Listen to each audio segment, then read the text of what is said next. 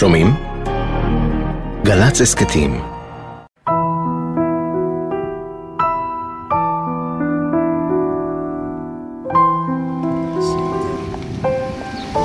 שלום. טוב, סילביה. מנהל הסרטייה של גלי צה"ל. בבקשה, אני יכול לעזור לכם בזה?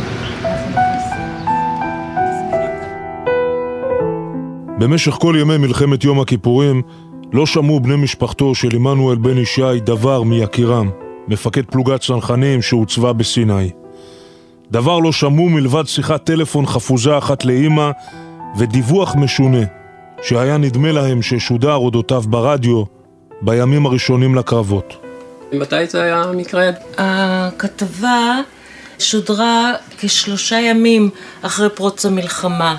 אח שלנו, עמנואל, הוא היה מ"פ בצנחנים ב-890 והם לחמו באזור אבו רודס כנגד כוחות קומנדו מצריים. אז זה יכול להיות התשיעי לאוקטובר, העשירי לאוקטובר. ממרחק השנים לא ברור מה נאמר בדיוק בדיווח הרדיו ההוא, והאם היה כלל. ערב יום הזיכרון מגיעות סילביה וזוהרה, אחיותיו של עמנואל, אל מנהל סרטיית גלי צה"ל רפי חכים, בניסיון לאתר את דרישת השלום המקוטעת ההיא. אולי ידעו לכם מי היה הכתב של ה... קראו לו נחושתן, זה השם שאני זוכרת, של הכתב. של הכתב, והוא כנראה היה כתב צעיר שהיה בשטח. אני אנסה לאתר לכם, מדובר על משהו של כמה עשרות שנים.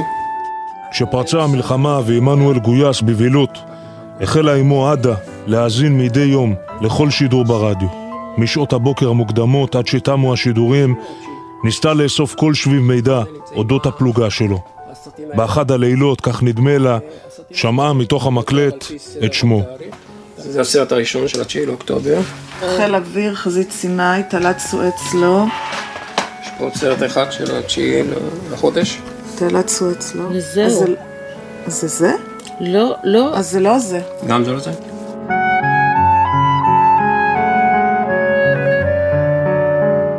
כחודש ימים בלבד, בטרם פרצה מלחמת יום הכיפורים, קיבל לידיו סרן עמנואל מנו בן ישי את הפיקוד על הפלוגה הצעירה ביותר של גדוד 890 של הצנחנים, שהתגייסה במאי 73. חיילי מחזור מאו מאו כונו חיילי הפלוגה, חיילים שנשרו מהתיכון והיה לא פשוט להשליט עליהם פקודות ומרות. מנו הגיע, דמות מאוד מאוד מאוד כריזמטית, מאוד. טיפוס מאוד קשוח, עם סיפורי רקע עליו, ושנפצע כבר בסרט שקד. הוא בא ככה עם עבר כבד, שעשה רושם רב על החיילים. בשבילנו הוא נראה כמו חצי אל כזה. הוא היה הולך, הוא היה מרחף.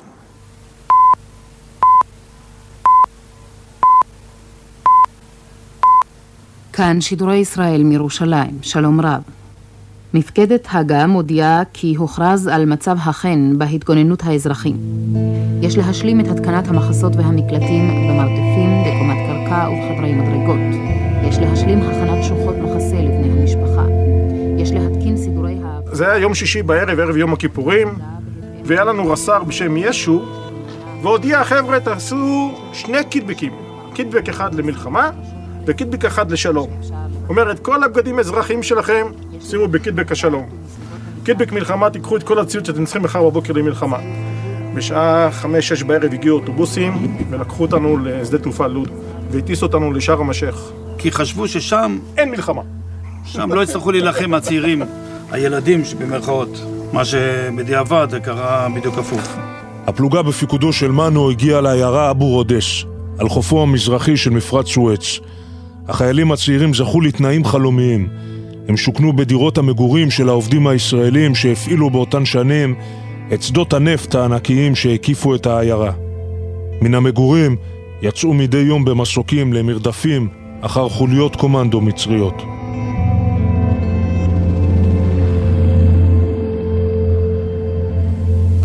יש פה עוד סרט, התשיעי לחודש. מי הכתב? שמואל נחושתן. והוא עשה את כל מה שכתוב פה? בורדס, נכון? זה יכול להיות? זה זה? כמעט. כמעט ודאי.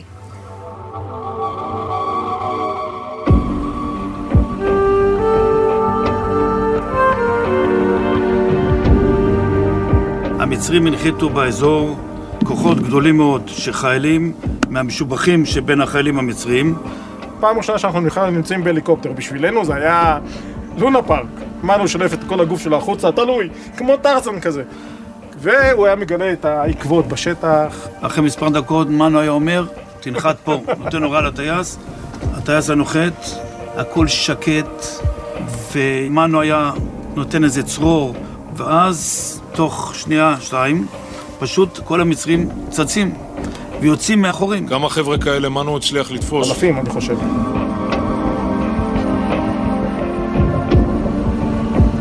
באותו יום יצאנו לאותם מרדפים ותפסנו קצין מצרי שהיה קמב"ץ של אחד הגדודים ומנו אמר, מהרגע הזה אתה צמוד אליי, קשרו את ידיו, מנו הטיל עליו פשוט פקודה שיזהה היכן מתחבא אותו חלק אה, של הגדוד שלו. זאת אומרת, הוא היה צריך להלשין על החברים הוא שלו. פשוט, הוא לא רק היה צריך להלשין, הוא גם הלשין. והוא זיהה והראה לנו על אותו אזור של המערה, ששם נמצאים החיילים שלו. מנו ירה שתיים שלוש פצצות כדי לראות, הוא התרומם ממעט, הרים את ראשו, ואז נורה צרור מתוך המערה של חייל מצרי שיצא מהמערה, וירה צרור ישר לתוך חזה. החזה של מנו. ופשוט נפח את נשמתו במקום.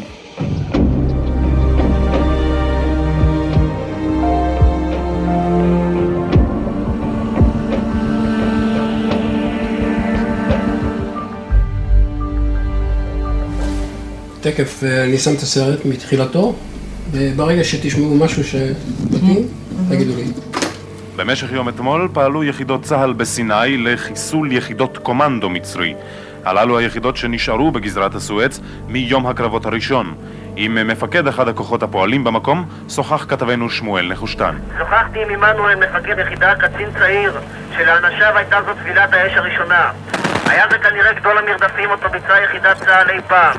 בתחילה השאירו אנשי הקומנדו באש, אולם ממכת האש הראשונה שלנו, בה נהרגו עשרה אנשי קומנדו, הם החלו לצאת מן הכוחים בהם התחבאו וידיהם מעל הראש.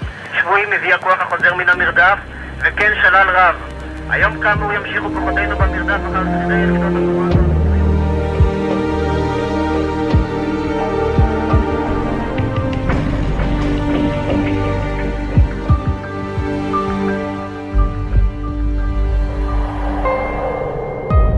סרן עמנואל מנו בן ישי, זכרו לברכה, בן 25 מניר עציון, מפקד פלוגה בצנחנים, נפל ביומה השמיני של מלחמת יום הכיפורים, 13 באוקטובר 1973, בקרב מול חוליית קומנדו מצרית בסיני.